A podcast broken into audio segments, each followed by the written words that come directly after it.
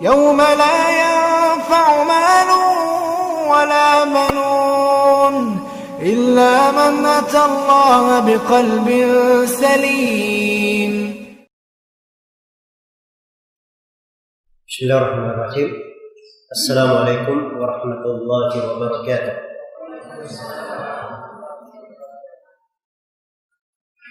إن الحمد لله نحمده ونستعينه ونستغفره ونعوذ بالله من شرور أنفسنا وسيئات أعمالنا. من يهده الله فلا مضل له ومن يضلل فلا هادي له. أشهد أن لا إله إلا الله وحده لا شريك له وأشهد أن محمدا عبده ورسوله.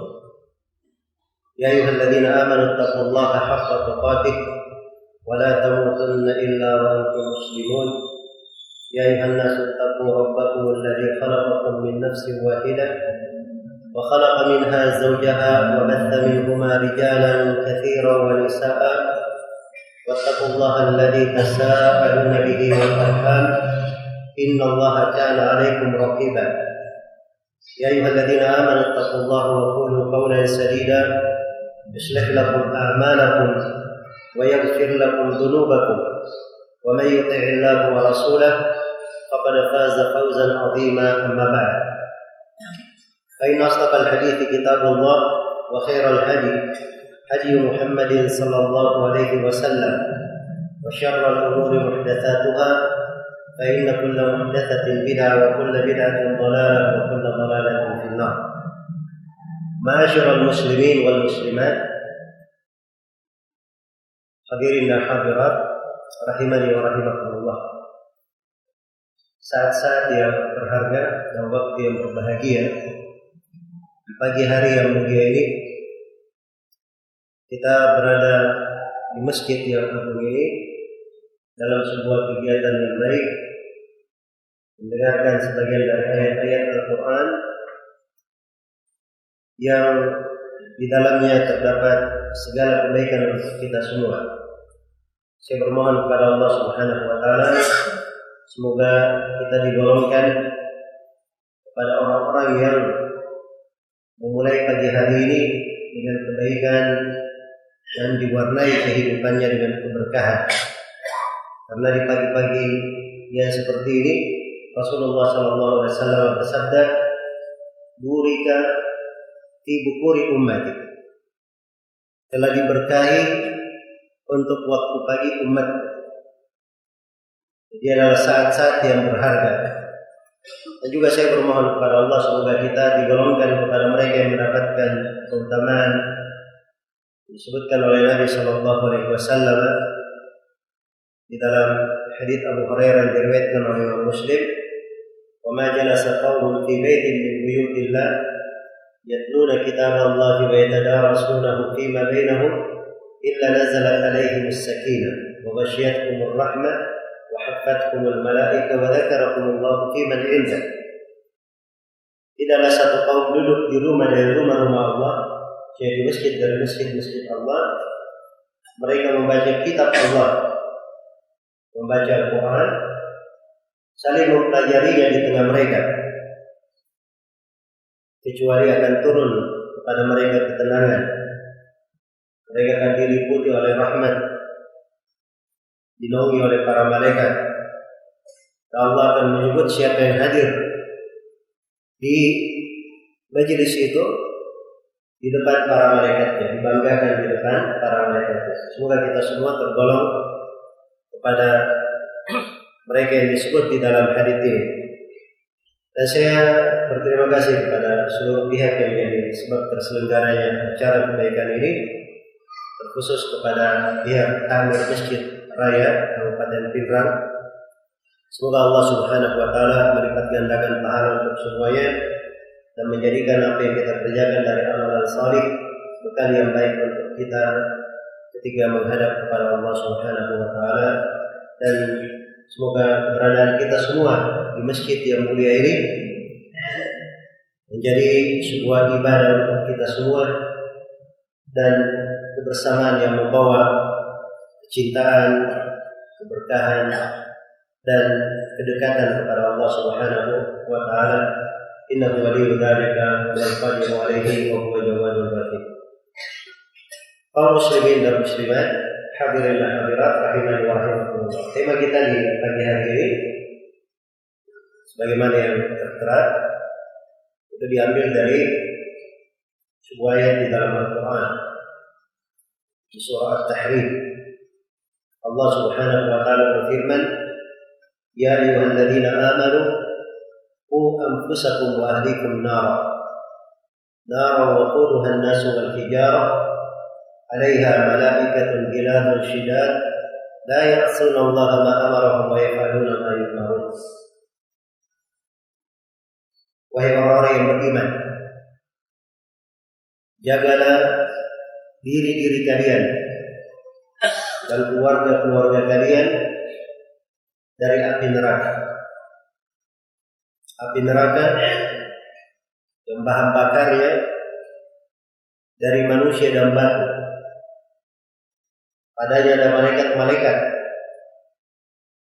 yang sangat keras dan bengis mereka tidak pernah bermaksiat terhadap perintah Allah dan mereka selalu mengerjakan apa yang diperintahkan.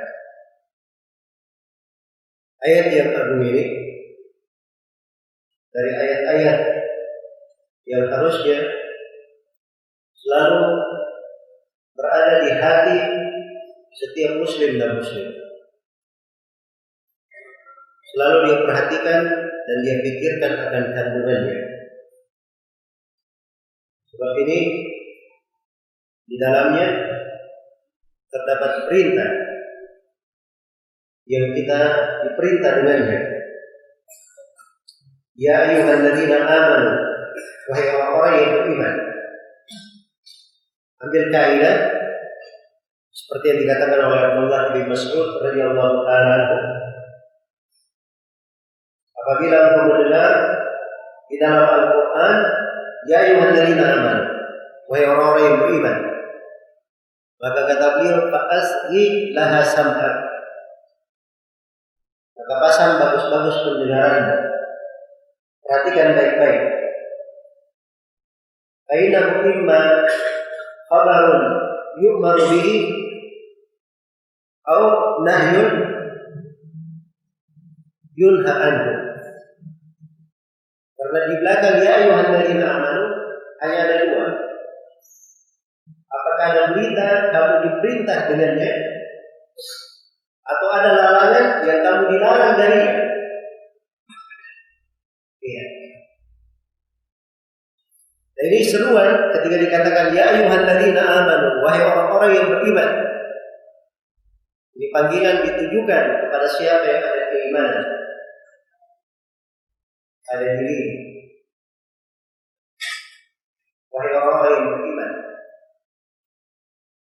Dan peringatan itu manfaat yang terbesarnya memang untuk orang yang beriman. Wadakir ayat dzikra tanfa'ul mu'minin. Dan berilah peringatan. Sesungguhnya peringatan itu bermanfaat untuk orang-orang yang beriman. Iya. Nah itu perhatikan dengan seksama mana ayat yang agung ini. Ya ayyuhalladzina amanu wahai orang-orang yang beriman. Ku anfusakum wa ahlikum nar. Ini tiga kalimat ya.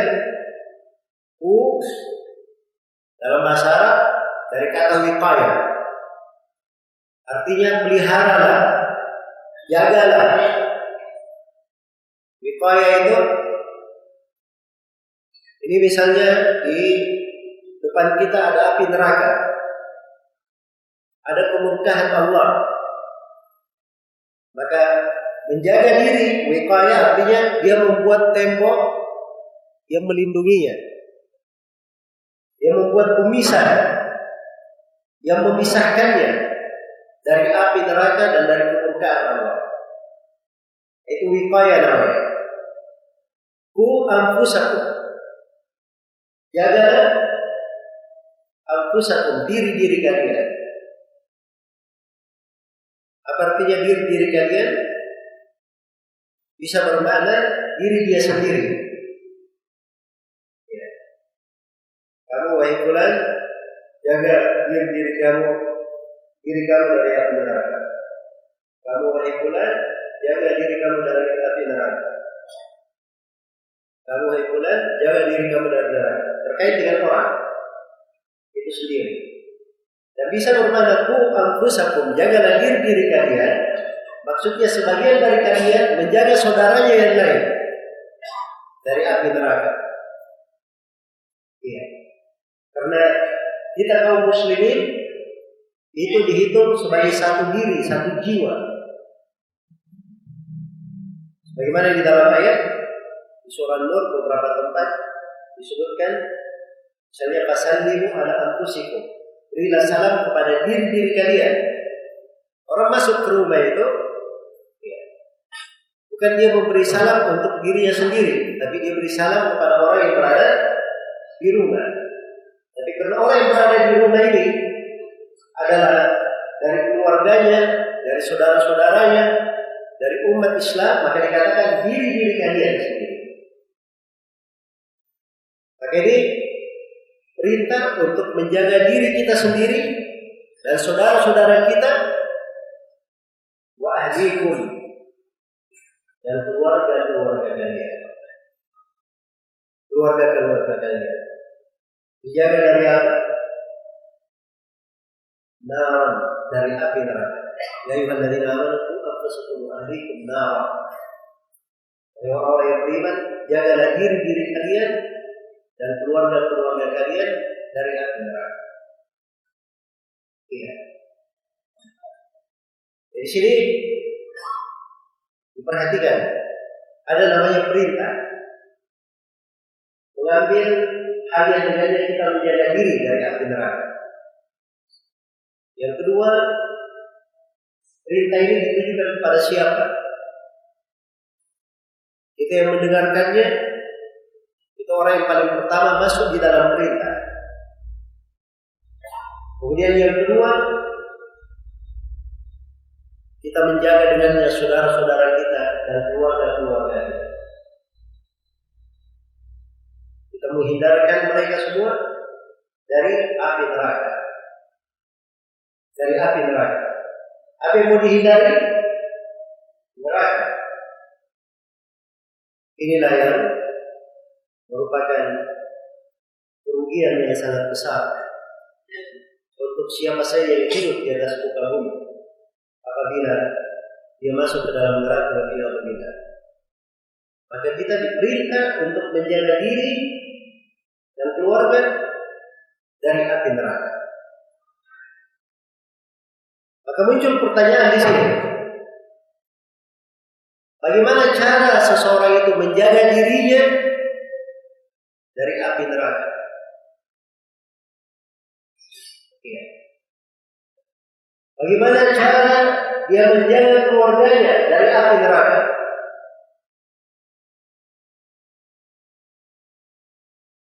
Ini yang perlu kita cermati, perlu kita dalami tentang maknanya. Nabi dari Talib radhiyallahu taala radhiyallahu taala beliau ketika membaca ayat ini beliau berkata adimuhum wa adimuhum ajari mereka adab dan ajari mereka ilmu. Itu bahasa yang dipakai oleh Ibnu Katsir rahimahullah. Kalau sebagian riwayat dari Ali bin Abi Thalib ketika beliau menyebutkan ayat ini ya ayyuhalladzina amanu anfusakum wa ahlikum nar wahai orang-orang yang beriman. Jaga diri diri kalian dan keluarga kalian dari api neraka. Kata beliau annimuhumul khair. Kata Ali bin Abi ajarilah mereka kebaikan. Beri ilmu pada mereka tentang kebaikan. Iya. Jadi beliau kembalikan penjagaan diri dari api neraka adalah mengajari mereka tentang apa? Tentang ilmu. Mengajari mereka tentang kebaikan. Kata Ibnu Abbas radhiyallahu taala anhu,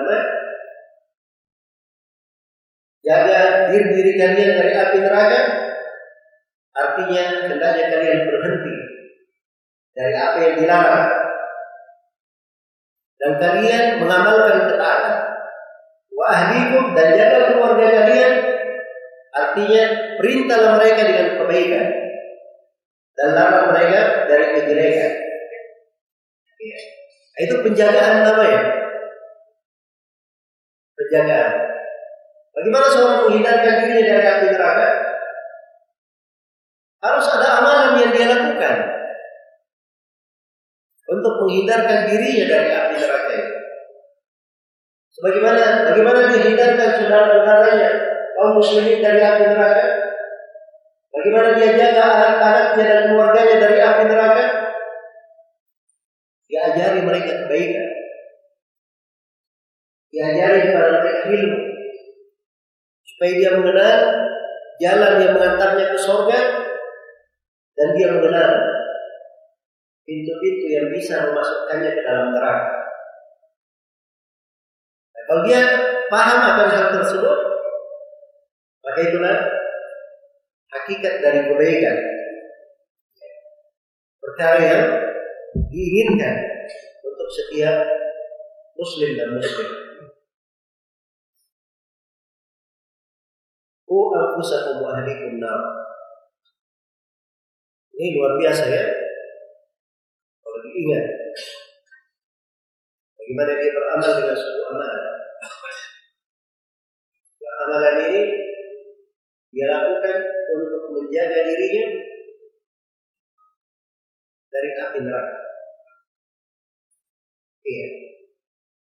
Innama nut'imukum liwajhillah. La nuridu minkum jazaa'an wa la syukura. Inna nakhafu min rabbina yawman abusan qamtarira. Sesungguhnya kami bersedekah memberi makan kepada kalian adalah karena Allah Subhanahu wa taala. Kami tidak menghendaki balasan dan tidak menginginkan kalian mensyukuri kami dalam amalan kami. Kami melakukan hal ini karena takut hari yang dahsyat penuh dengan kemuliaan di hari kiamat. Jadi amalan soleh yang disebut dalam ayat ini ketaatan dengan cara bersedekah, memberi makan, itu untuk menghindari api neraka dahsyat di hari kiamat. Iya. Dan di dalam hadis Adi bin Hatim yang diriwayatkan oleh Imam Bukhari dan Imam Muslim, Rasulullah Shallallahu Alaihi Wasallam bersabda, "Ma minkum min ahadin illa sayukallimuhu rahman laisa bainahu wa bainahu tarjuman. Tidak ada seorang pun di antara kalian kecuali Allah Ar-Rahman akan berbicara langsung kepadanya di hari kiamat. Jadi hari yang dahsyat dan perlu kita khawatirkan. Kita semua akan berdiri di depan Allah Subhanahu wa taala. Ini berdiri di depan Allah ini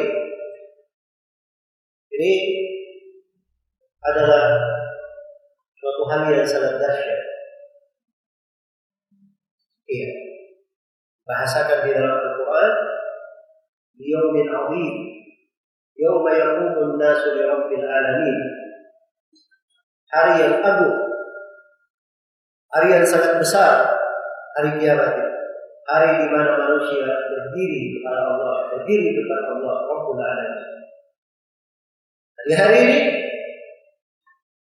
hari yang sangat dahsyat tersebut. Setiap orang mempertanggungjawabkan apa yang dia kerjakan masing-masing. Iya. Di hari yang dahsyat itu, seluruh manusia dikumpulkan di padang mahsyar.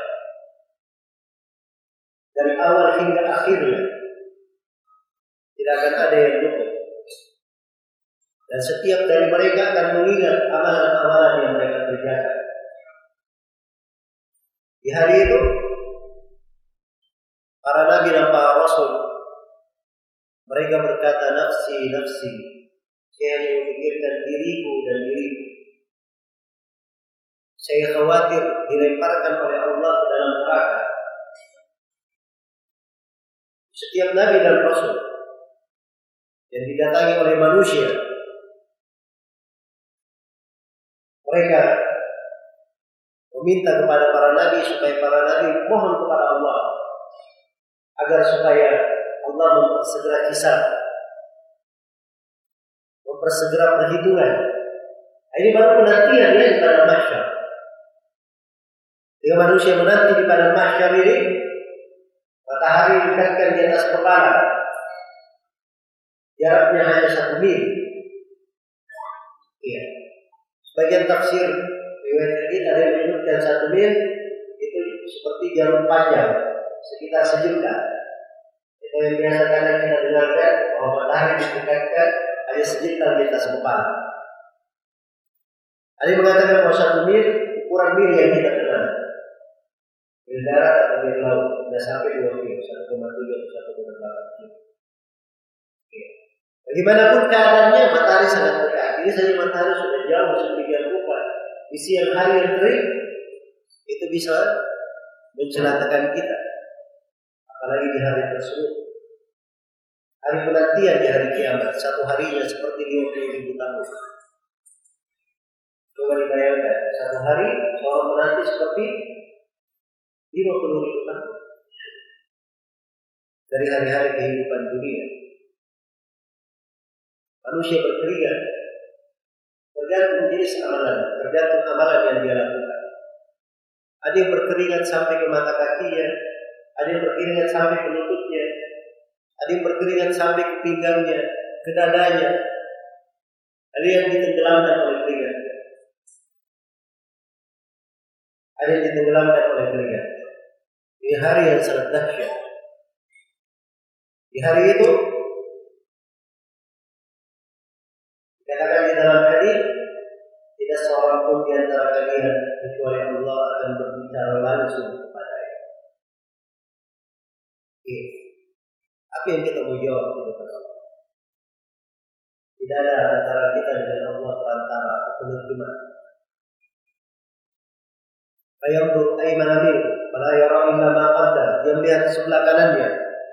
Dia hanya melihat amalan yang pernah dia kerjakan. Wayandur ash'ama minhu, fala yara illa ma qaddam. Dia melihat di sebelah kirinya, dia tidak melihat kecuali amalan yang telah dia kerjakan. Fayandur baina yadayhi, fala yara illa an-nara tilqa'a wajhihi. Dia melihat di depannya, maka dia tidak melihat kecuali neraka berada di depan matanya. Neraka ini setelah manusia berada di padang mahsyar di hari penantian, kemudian berdirilah para nabi dan para rasul. Atau berdirilah manusia menuju kepada para nabi dan para rasul. Memohon kepada mereka supaya Allah supaya Allah menyegerakan hisab Jangan mereka tersiksa di padang mahsyar dengan lamanya penantian, kemudian dan dahsyat. Maka manusia meminta kepada para nabi agar supaya para nabi bermohon kepada Allah supaya hisab disegerakan. Tapi para nabi hanya berkata diriku diriku. Kecuali Nabi Muhammad Sallallahu Alaihi Wasallam. Beliau yang berkata analah. Memang permohonan itu diperuntukkan untuk itu untuk saya kata Nabi Muhammad. Maka berdirilah Nabi kita Nabi Muhammad Sallallahu Alaihi Wasallam lalu beliau mendatangi arsh Allah Subhanahu Wa Taala kemudian Nabi Muhammad bersungguh sujud kepada Allah Subhanahu Wa Taala dan beliau memuji Allah dengan pujian-pujian dibukakan hati beliau sehingga beliau bisa mengucapkan pujian-pujian yang agung kepada Allah. Kata Nabi, hari ini saya belum pandai mengucapkan. Tapi hari kiamat beliau akan memuji Allah dengan pujian-pujian ini. Kemudian Allah berfirman kepada Nabi nya, Ya Muhammad irfa rasa, wa qul tusma, wa sal tu'fa, wa shfat musyaffa. Nabi Muhammad, angkatlah kepalamu. Berucaplah engkau, engkau akan didengar. Mohonlah, engkau akan diberi. Minta syafaat, syafaatmu akan dikabulkan. Maka Nabi Muhammad pun bermohon kepada Allah supaya hisab disegerakan. Lanjutannya itu disebut di dalam Al-Quran wajah rabbuka wal malaku saffan saffa waji'a yawma idin di jahannam. Yawma idin yatadakkaru insan wa anna lahu dhikra. Maka datanglah Rabbmu dan seluruh malaikat bersaf-saf. Jadi dahsyatnya hari itu malaikat semuanya hadir. Dan tidak ada yang mengetahui tentara Allah dari jenis malaikat ini berapa banyaknya? Wala ya'lamu junuda rabbika illa hu. Tidak ada mengetahui tentara Rabbmu kecuali dia. Ya. di langit itu ada rumah namanya Baitul Ma'mur. Setiap hari dimasuki oleh 70 ribu malaikat beribadah tidak pernah kembali lagi. Tidak ada satu tempat pun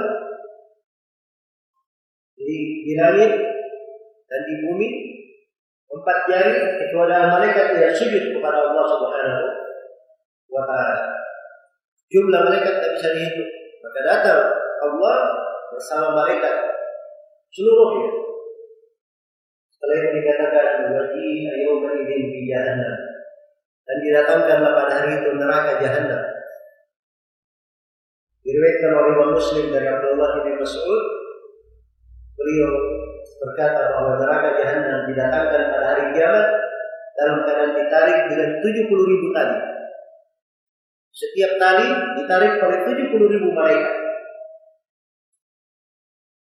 Tarik oleh 70 ribu malaikat. Kondisi neraka jahanam ini disebutkan di dalam Al-Quran, "Idza ra'atkum min ba'idin taghayyuban wa zafira."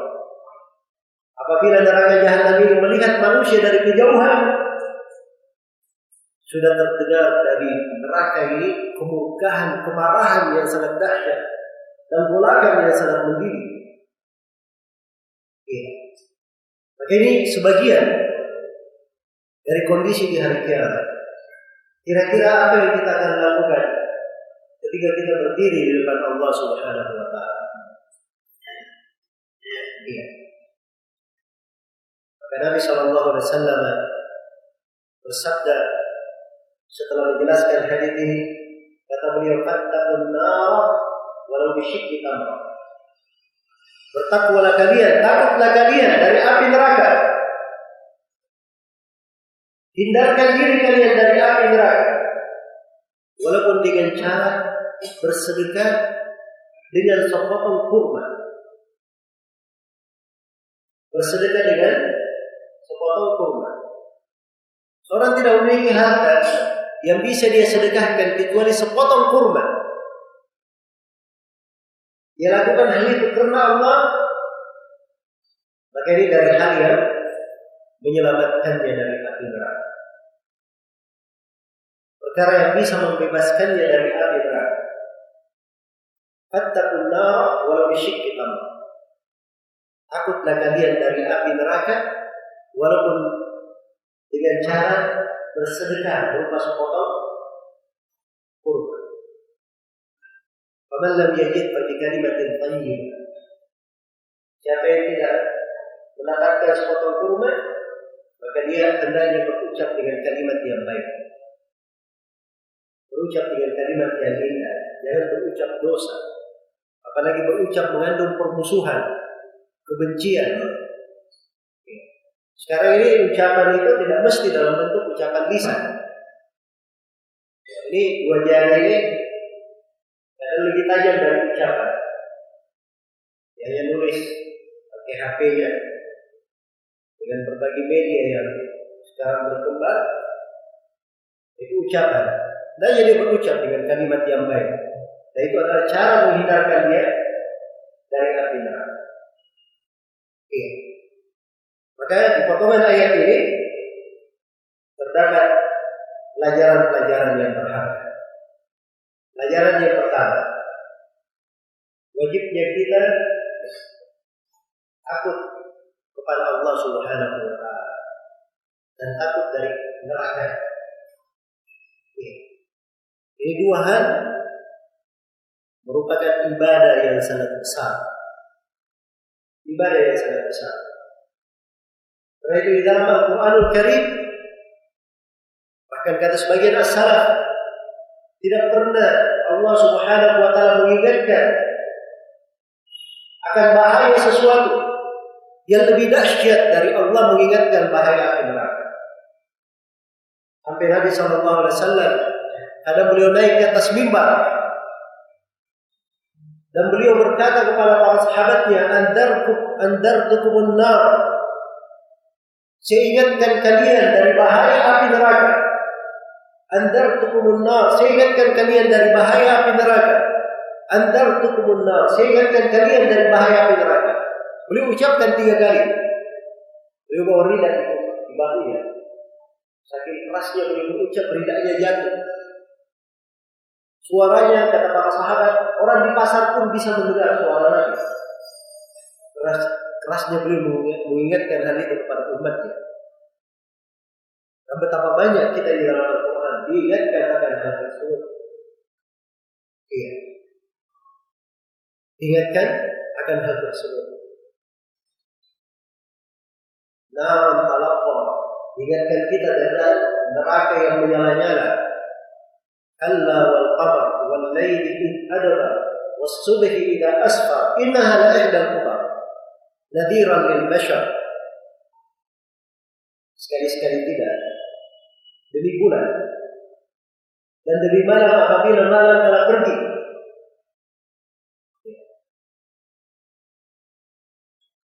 Dan demi subuh apabila subuh itu sudah mulai terang. Sesungguhnya neraka ini salah satu kejadian yang sangat dahsyat. Peringatan untuk seluruh manusia Liman sya'a minkum an yataqaddama aw yata'akhkhar. Siapa yang di antara kalian yang ingin maju ke depan atau mundur ke belakang? Kata para ulama, kehidupan ini tidak ada berhentinya. Yang ada di dalam hidup, dia maju ke depan atau mundur ke belakang. Itu kehidupan. Tidak ada yang dikatakan dia berhenti. Iya. Dia dapat maju atau mundur, itu saja. Maju, mundur. Berhenti tidak ada. Hidup ini perjalanan, transaksi. Beruntung atau merugi? Kullu nasi yabdu Baba'i'un nafsahu famu'tikuha aw Setiap manusia itu berusaha di atas kehidupan dunia ini. Dia berjalan, bergerak. Dengan usahanya dia melakukan transaksi. Ada yang bertransaksi, dia bebaskan dirinya dari api neraka. Ada yang dengan transaksinya justru dia jatuhkan dirinya ke dalam api neraka. Sebagaimana di akhirat kelak hanya ada dua golongan, tidak ada golongan yang ketiga. Fariqun fil jannati wa fariqun fis sa'ir. Satu golongan di dalam surga dan satu golongan di dalam neraka. Faminhum syaqiyyun wa minhum sa'id. Di antara mereka ada yang merugi dan di antara mereka ada yang beruntung. Hanya ada dua golongan, dua kelompok. Tidak ada yang ketiga. Ini harus diingat baik-baik. Karena itu takut kepada Allah Subhanahu wa taala ini ibadah yang agung. Ibadah yang sangat besar. Seorang kalau memiliki rasa takut maka ini adalah bekal dia berbuat kebaikan. Iya. Allah Subhanahu wa taala memuji orang-orang yang takut ini. Waliman khafa maqama rabbika jannatan. Waliman khafa maqama rabbih jannatan. Bagi siapa yang takut kepada kedudukan rohnya, dia akan mendapatkan dua surga. Ini dua surga paling tinggi derajatnya. Di surah Ar-Rahman itu disebutkan dua surga yang paling tinggi, kemudian dua surga di bawahnya lagi. Ada dua surga di bawahnya lagi. Dua surga yang paling tinggi ini disebutkan waliman khafa maqama rabbih jannah. Bagi siapa yang takut kepada kedudukan Rabbnya, dia dapat dua surga. Apa artinya dia takut kepada kedudukan Rabbnya? Ada dua mana. Mana yang pertama, dia takut ketika menghadap kepada Allah. Apa artinya takut ketika menghadap kepada Allah? Orang kalau dia takut akan berdiri di depan Allah, dia sudah bersiap dari kehidupan dunia. biasanya di sekolah ada sekolah ya maka tes di depan guru itu siap-siap dengan benar supaya bisa apa? bisa lulus tiga ujian. Jadi karena kita tidak pikirkan bahwa di akhirat kita ini banyak dosa, banyak kesalahan, banyak dari perintah-perintah Allah yang kita telantarkan, larangan yang kita langgar. Betapa banyak dari nikmat Allah Subhanahu wa taala yang kita tempatkan bukan pada tempatnya. Bagaimana kita akan menjawab di depan Allah Subhanahu wa taala pada hari kiamat? Ini semuanya harus kita pikirkan. Iya. Ketika seorang manusia berdiri depan Allah Subhanahu wa mana yang kedua, dia takut kepada kedudukan Rabbnya, dia takut akan kebesaran Allah. Ini terkait dengan ilmu. Dia mengenal dari asmaul husna, dari sifat-sifat Allah. Dia mengenal dari sifat keagungan Allah, dari sifat kebesaran Allah, dari keperkasaan Allah. Dia mengenal dari sifat kekuasaan Allah. Dia mengenal dari kerasnya siksaan Allah, syadidul iqab, sarikul kisah. Dia kenal dari nama Allah dan sifatnya segera hisabnya. Ketika dia punya pengagungan kepada Rabbnya, maka ini namanya orang yang takut kepada Allah. Innal ladzina yakhshawna rabbahum bil ghaibi lahum maghfiratun wa ajrun karim. Sesungguhnya orang yang takut kepada Rabbnya dikala sendiri. Al-ghaib ini ada yang menafsirkan dikala dia sendiri tidak ada yang melihatnya, dia takut kepada Allah. Kadang-kadang orang kalau di depan manusia dia tidak mau berbuat dosa. Tapi kalau dia sendiri, dia merasa tidak ada yang mengawasinya. Ya. Ada yang memandangkan ayat, dia takut bil ghaib, dia tidak melihat Allah. Dia tidak berjumpa dengan Nabi Muhammad. Tetapi dia beriman kepada Allah, tetap takut kepada Allah. Ini dipuji di dalam ayat. Maka untuknya pengampunan dan pahala yang besar. Ini rasa takut dari sebab pengampunan. Iya. Jadi faedah yang pertama seorang harusnya memiliki rasa takut kepada Allah Subhanahu wa taala. Kemudian yang kedua dari ayat ini terdapat bahwa setiap dari kita ini ada tanggung jawab. Ada hal yang harus diperhitungkan. Tiga, ada tanggung jawab pada diri kita. Aku tanggung jawab pada saudara-saudara kita. Ada tanggung jawab pada keluarga dan anak-anak kita. Yang paling pokok diingatkan adalah diri. Setelah itu dia memberi peringatan kepada keluarganya yang terdekat. Karena itu turun kepada Nabi Sallallahu Alaihi Wasallam ayat wa antir ashirataka. Beri peringatan wahai Nabi Muhammad kepada keluargamu yang terdekat.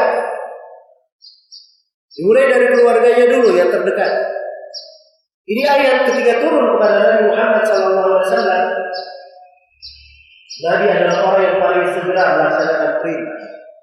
Maka beliau kumpulkan orang-orang Quraisy. Dia panggil dari suku-suku Quraisy secara umum dan secara khusus. Bani Ka'ab bin Uwaid, Bani Murrah bin Ka'ab, Bani Abdul Syams, Bani Abdul Muttalib, Bani Hashim, Bani Abdul Muttalib. Bahkan dia panggil putrinya Fatimah. Beliau berkata, "Anqidu anfusakum minan nar." Selamatkanlah diri diri kalian dari api neraka. Fa inni la amliku lakum Allah syai'an. Karena saya ini tidak memiliki sesuatu apa pun yang bisa melindungi kalian dari Allah. Bebaskan diri diri kalian sendiri dari api neraka. Iya. Maka ini peringatan besar kita semua. Membenahi diri. Bagaimana seorang itu membenahi dirinya membebaskan dari api neraka? Itulah dengan keimanan dan amalan saleh. Keimanan dan amalan saleh ini itu hanya tegak dengan dia mempelajari ilmu agama, mempelajari ilmu syariat. Ya kalau dia tidak pernah belajar ilmu agama, bagaimana dia mau membebaskan dirinya dari api neraka? Ya, pintu-pintu neraka dia jalani, dia lewati, dia tak punya ilmu bahwa ini membahayakan. Betapa banyak dari manusia jatuh di dalam kesyirikan. Dia tak sadar bahwa itu kesyirikan. Dia hanya melihat di layar-layar televisi. Nah, ini hal yang menarik dia ikuti. Dia tak paham bahwa ini di dalamnya terdapat kesyirikan kepada Allah Subhanahu wa taala. Seperti yang kita biasa lihat ya dari program-program yang kadang mengandung sihir di dalamnya, perdukunan. Walaupun bahasa sekarang orang pandai, orang pintar, punya indera keenam. Kalau hakikat syariat itu dukun namanya. Kalau hakikat syariat. Ini hal-hal yang bisa dibiarkan. Seorang harus belajar supaya dia mengenal apa hal yang bisa membahayakannya, supaya dia hindari. Mana jalan yang bisa mengantarnya ke surga. Ini dari bentuk menjaga diri dari api neraka.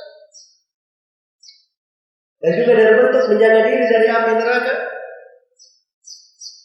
Seorang itu melaksanakan dari kewajiban-kewajibannya yang paling pokok. Kewajiban dia tegakkan. Lalu dia laksanakan dari ibadah-ibadah sunnahnya. Hal-hal yang disunnahkan. Setelah kewajiban dia kerjakan yang disunnahkan. Dan dia hendaknya memiliki dari ketaatan-ketaatan yang dia harapkan untuk menghadap kepada Allah Subhanahu wa. Jadi kalau dia sudah laksanakan kewajibannya, dia kerjakan hal-hal yang sunnah, maka dia pelihara sesuatu yang bisa diharapkan menghadap kepada Allah Subhanahu wa taala dengan itu. Dan itu tidak mesti dia beramal dengan sebuah amalan.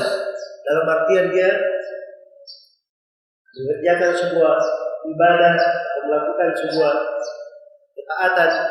Kadang hal tersebut bisa sesuatu di dalam hati.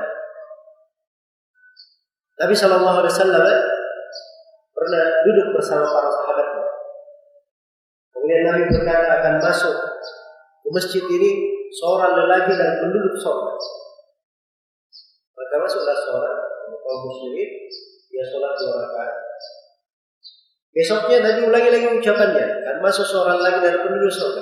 Masuk orang itu lagi. Ya. Maka sahabat Abdullah bin Amr bin As penasaran dengan hal tersebut. Dia ikuti orang ini. Dia ingin tahu orang ini beramal amalan apa. Kok dijamin masuk surga oleh Nabi? Dikatakan penduduk surga. Maka dia ikuti orang ini sampai ke rumahnya. Abdullah bin Amr bin As minta izin untuk tinggal di rumahnya selama tiga hari. Dia ingin lihat orang ini berbuat apa, amalan apa yang dia kerjakan. Kata Abdullah bin Amr bin As, saya nggak melihat dia banyak sholat. Di malam hari dia tidur saja. Kecuali di ketika menjelang subuh dia berdiri melakukan sholat witir. Di siang hari dia juga bukan orang yang banyak berpuasa. Tapi tidak ada dosa yang dia kerjakan. Akhirnya di hari yang ketiga Abdullah bin Amr bin As menyerah. Dia pun bertanya kepada orang ini. Saya mendengar Nabi berkata begini. Maka saya ingin tahu apa amalan yang kamu lakukan. Dan kata orang ini, saya tidak melanggar amalan apa pun kecuali apa yang kau Begitu Abdullah bin Amr mau pulang, maka orang ini berkata, sebentar. Sungguhnya saya ini tidak pernah menemukan di dalam hatiku ada suatu kedengkian apa pun terhadap kaum muslimin. Kata Abdullah bin Amr bin As, itulah yang kami tidak mampu di. Ini hal yang besar. Dia menjaga hatinya selalu selamat, bersih. Tidak pernah dia ada masalah dengan orang. Siapa pun dari kaum muslimin. Ini kan masalah hati, amalan dia jaga, dia pelihara. Mesti orang tahu. Orang berbuat keliru kepada kita, berbuat dosa, dia maafkan, dia doakan saudaranya, semoga diberi hidayah. Tak mesti orang tahu antara dia dengan Allah Subhanahu wa taala. Tapi dia jaga hatinya seperti ini, itu dari amalan yang sangat besar. Amalan yang sangat besar. Bagaimana menjaga saudara-saudara kita dari api neraka? Dengan al-munasahah, saling nasihat menasihati, berlaku tulus untuk mereka. mengajarkan kepada mereka ilmu, menunjukkan kepada mereka pintu-pintu kebaikan. Iya. Kalau ada pintu kebaikan dibukakan. Itu cara menyelamatkan mereka dari api neraka. Dan diingatkan kepada mereka apa yang ma'ruf supaya mereka lakukan. Kalau ada yang mungkar dilarang dari kemungkaran. Ada bahaya diperingatkan dari bahaya itu. Itu kecintaan namanya antara sama kaum muslimin. Di masa sekarang ini kadang ada orang-orang berkata, ya, kamu kalau berbicara tidak usah singgung-singgung orang. Tidak usah singgung kesalahan orang. Kita harus berlaku bijaksana. Tidak tahu ini orang terlalu banyak. Bijaksana, bijak sini, tidak tahu dari mana bijaksananya. Jadi ibaratnya ini saudara kita sudah mau jatuh ke jurang, ya berlaku bijaksana. Biarkan saya jatuh ke jurang. Tidak usah ditegur. Ini mereka nggak paham bahwa amar ma'ruf nahi munkar itu saling mengingatkan itu bagian pokok dari agama. Itu kecintaan kita kepada saudara kita. Saudara kita mau jatuh ke dalam neraka, mau jatuh dalam bahaya, kita biarkan saja. Itu bukan kecintaan namanya, pengkhianatan terhadap saudara. Justru kalau kita nasihati, kita tegur, itu adalah hal yang menyelamatkannya. Menyelamatkan dia dan menyelamatkan kita juga. Itu Rasulullah SAW perumpamakan amar ma'ruf nahi munkar itu. Itu seperti manusia berada dalam satu perahu. Namanya perahu, ada yang tinggal di dalam perahu, ada yang dapat bagian dalam perahu, ada yang dapat bagian di atas. dapat bagian di atas perahu, di dek kapal. Nah, ini yang di dek kapal kan kalau mau air gampang sih ya langsung ambil. Tapi yang di dalam ini kalau mau air dia naik dulu, dia lewati dulu saudaranya, ya, baru ngambil air terus turun lagi ke bawah. Suatu hari yang di bawah ini berkata, ini kita kalau selalu naik ke atas, kita ganggu saudara kita, kita lewati. Bagusnya kita bocor saja dari sini. Bocor dari bawah, kita bocor sedikit supaya keluar air dari bawah. Agar supaya kita tidak ganggu saudara kita di atas. Ini niatnya baik ya, perhatikan. Niatnya apa? Baik. Bukan ingin mencelakakan. Tapi perbuatannya keliru.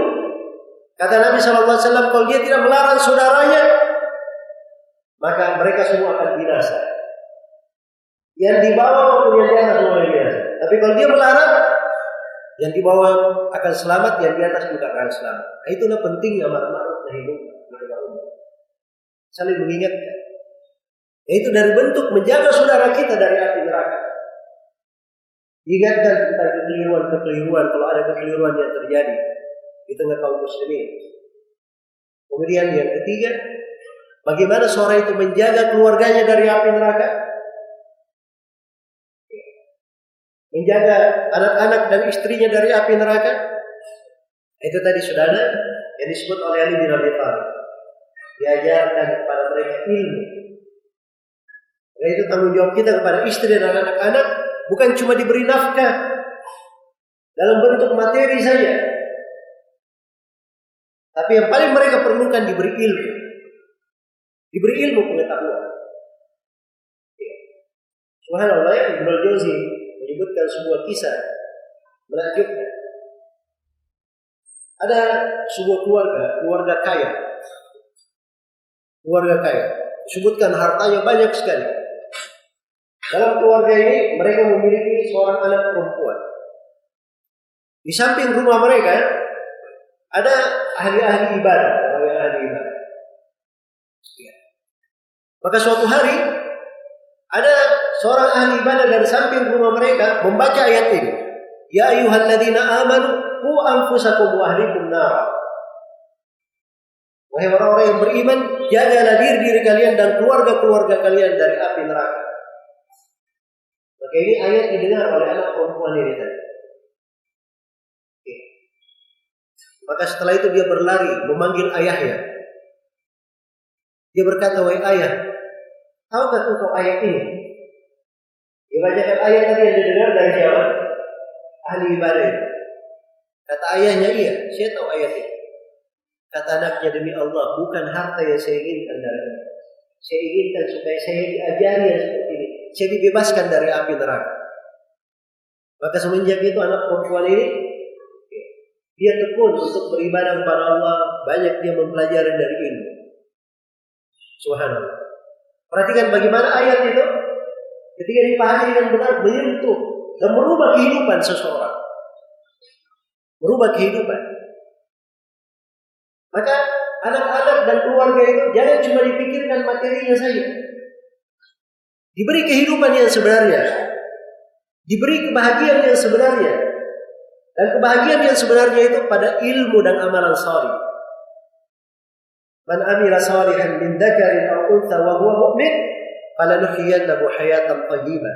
Barang siapa yang beramal saleh dari laki-laki dan perempuan dan dia adalah seorang mukmin yang beriman, maka sungguh kami akan memberikan kepada dia kehidupan yang indah, kehidupan yang baik, kehidupan yang bahagia. Dijamin oleh Allah. Dua syarat. Beriman dan apa? Beramal saleh. Ini dua syarat. Iya. Jangan disangka bahwa kebahagiaan itu selalu pada harta saja. Betapa banyak orang yang memiliki harta tidak pernah merasakan kebahagiaan. Sudah memiliki harta yang sangat banyak, seakan-akan tidak memiliki harta, masih cari sana sini. Itulah ketamakan pada manusia apabila tidak dididik dengan ilmu agama ini akan membahayakan. Lo anna li bini Adam wadiyaini min dhahab labataga ilaihi mathalif. Andai kata anak Adam punya dua lembah berisi emas, dia akan cari lembah yang ketiga. Dan tidak ada yang membuat dia puas kecuali tanah yang menyumbat mulutnya di kuburan. Baru dia berhenti. Nanti kalau sudah mati, baru dia ingat. Alhamdulillah takatsur hatta zurtumul maqabir. Kalian telah dibuat lalai oleh bermegah-megahan, berbanyak-banyakan. Kapan dia sadar? Sampai dia masuk ke dalam kubur. Baru dia sadar. Maka ini kita masih diberi kesempatan oleh Allah. Waktu-waktu yang berharga. Umur dan kehidupan. Dimunculkan rasa takut ini. Dihadirkan dari tanggung jawab pada diri, pada saudara-saudara, pada keluarga dan anak-anak. Iya. Pada keluarga dan anak-anak. Anak-anak itu dididik dengan hal yang baik. Perkara yang bagus agar supaya menjadi bekal kebaikan untuk dirinya.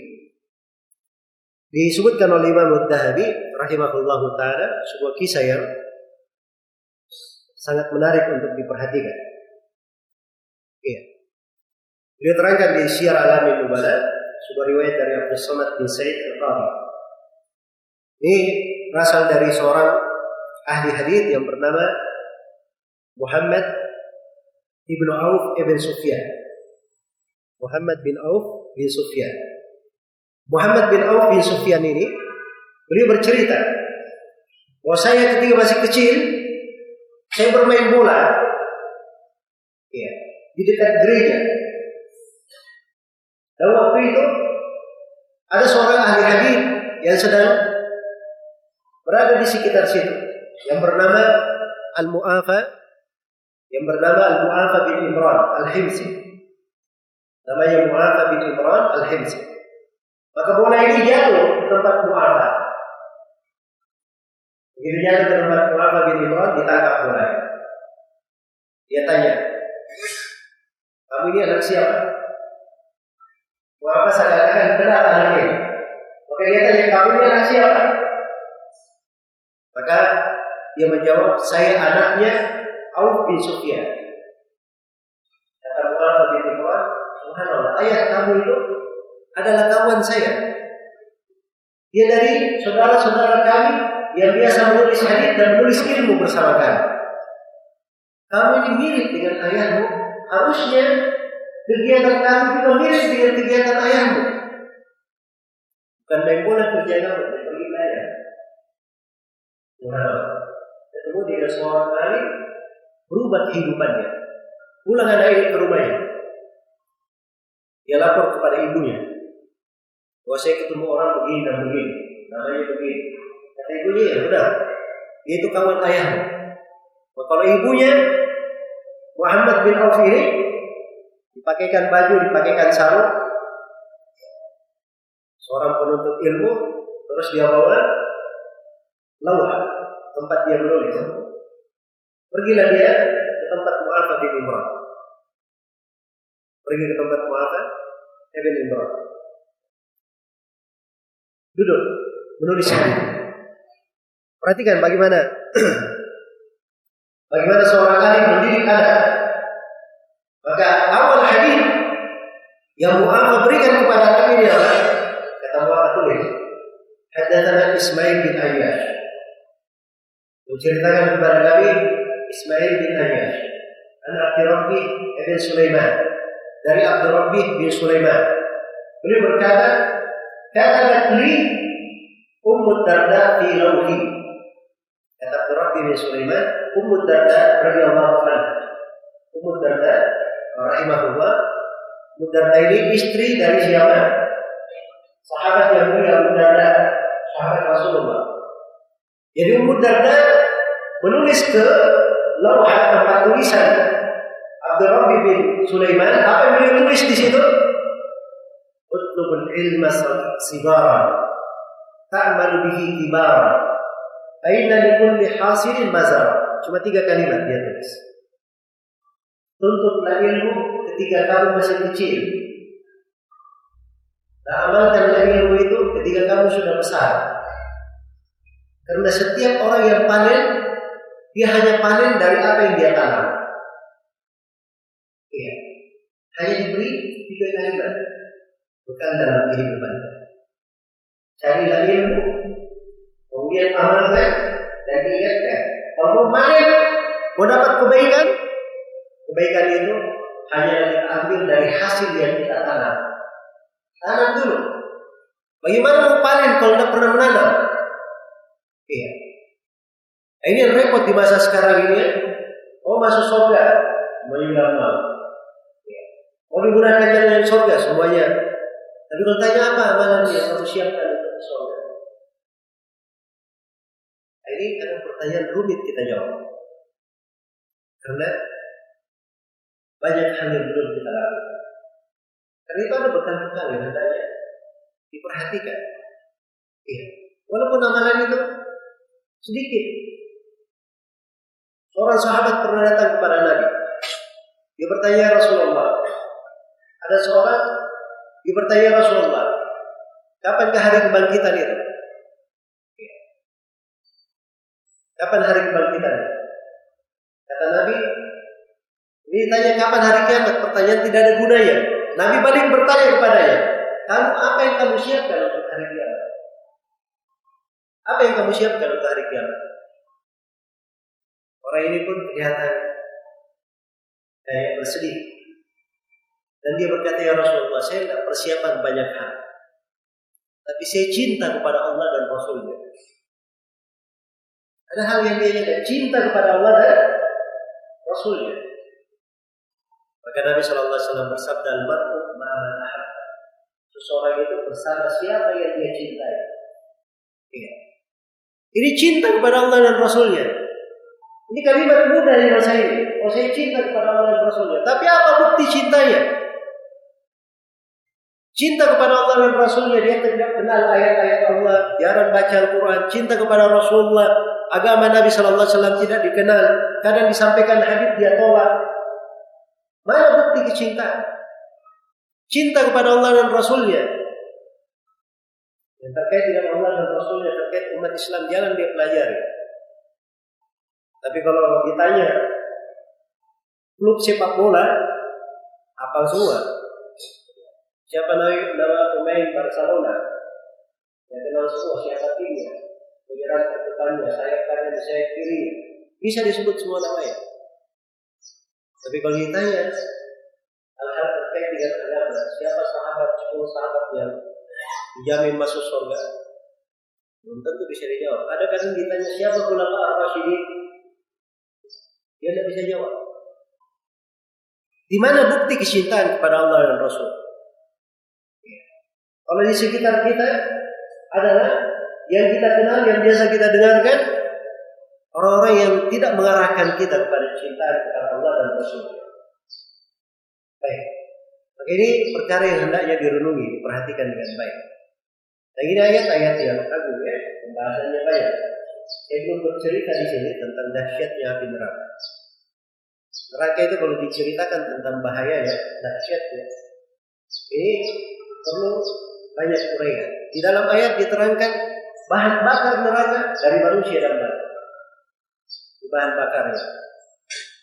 Neraka itu banyak cerita, banyak ayat-ayat yang menceritakan tentang kengeriannya.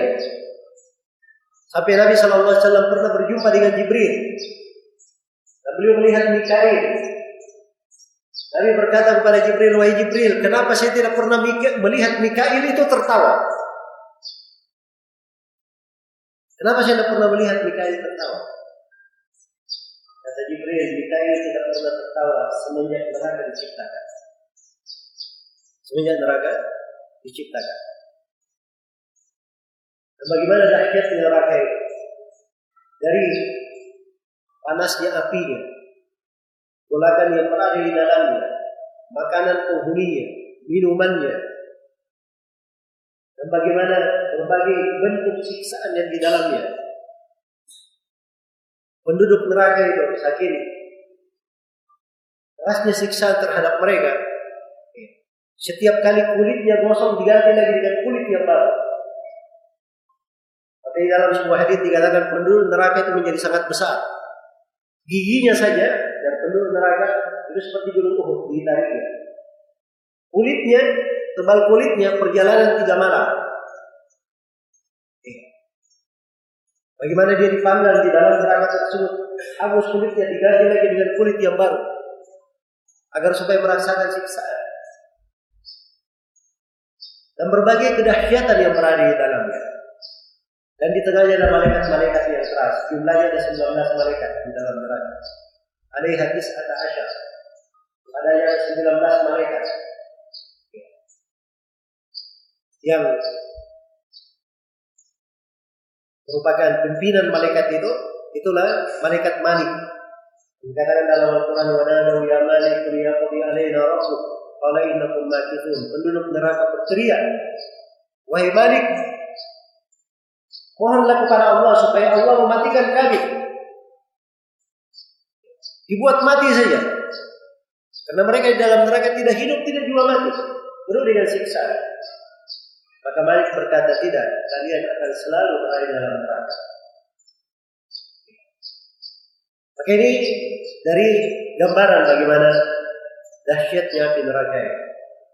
Yang hendaknya kita selalu khawatir kepadanya, takut darinya, dan jangan mendekati hal-hal yang bisa mengantar kepada neraka tersebut. Semoga Allah Subhanahu wa taala memberikan taufiknya dan rahmatnya kepada kita semua dan semoga Allah Subhanahu wa taala selalu membimbing kita di atas ketaatan di atas sunnah Rasulullah sallallahu alaihi wasallam di atas keislaman dan sunnah Rasulullah sallallahu alaihi wasallam. Dan semoga Allah Subhanahu wa taala mengampuni segala dosa dan kesalahan.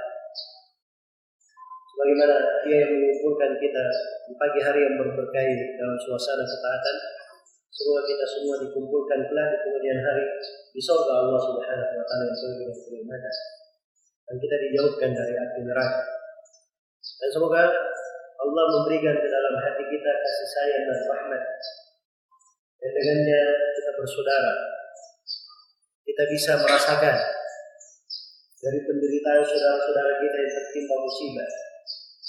Rasulullah Sallallahu Alaihi Wasallam bersabda dalam hadis riwayat Bukhari dan Muslim, "Al-mu'minu lil mu'min kal bunyan, yashuddu ba'dahu ba'da." Seorang mukmin bagi mukmin yang lainnya seperti bangunan. Sebagiannya menguatkan bagian yang lain. Hadis yang lain riwayat Bukhari dan Muslim juga Rasulullah SAW bersabda, "Matsalul mu'minina fi tawadihim wa tarahumihim wa ta'atufihim kamatsalil jasadil wahid idza ishtaka min 'udhu tada'ala sairul jasad bis-sahri wal umma." Umpamaan kaum mukminin dalam hal saling cinta mencintai, kasih mengasihi dan sayang menyayangi bagikan satu jasad, satu tubuh kalau sebagian dari tubuhnya mengeluh, sakit, panas, apa mengeluh, maka yang lainnya akan merasakan keluhan itu. Dengan dia panas atau tidak bisa tidur. Ya. Kita kadang sakit gigi. sakit gigi ini membawa kita tidak bisa tidur semalam. Semua badan dia tidak bisa istirahat. Kadang sakit di satu tempat, panas seluruh tubuh. Nah, itu kaum mukminin. Ada sebagian dari saudaranya yang tertimpa musibah, tertimpa dari petaka, maka dia punya perhatian akan hal tersebut. Nah, di sinilah pintu kebaikan dan lahan ketaatan. Kita berbuat dari hal dari kebaikan ya Allah bukakan untuk kita. Nah, ini sebenarnya kesempatan. Nah, ini salah satu hikmah di belakang musibah dan petaka. Musibah itu kadang pahit kalau kita pikirkan. Kita lihat secara kasat mata. Tidak menyenangkan. Tapi kadang di belakang musibah membuat kita itu sadar, membuat kita ingat akan kebesaran Allah, kekuasaan Allah, membuat kita lebih giat beribadah, berdoa, dan menggerakkan hati kita untuk membantu saudara-saudara kita. Pada saat kondisi musibah, ada jiwa-jiwa yang perlu diselamatkan, ada orang-orang tertimpa dari bencana yang perlu diselamatkan segera, maka bersedekah di situ, itu pahalanya lebih besar daripada bersedekah di waktu biasa. Nah, ini semuanya dari keindahan di dalam syariat kita. Amalan-amalan ketaatan yang hendaknya kita perhatikan.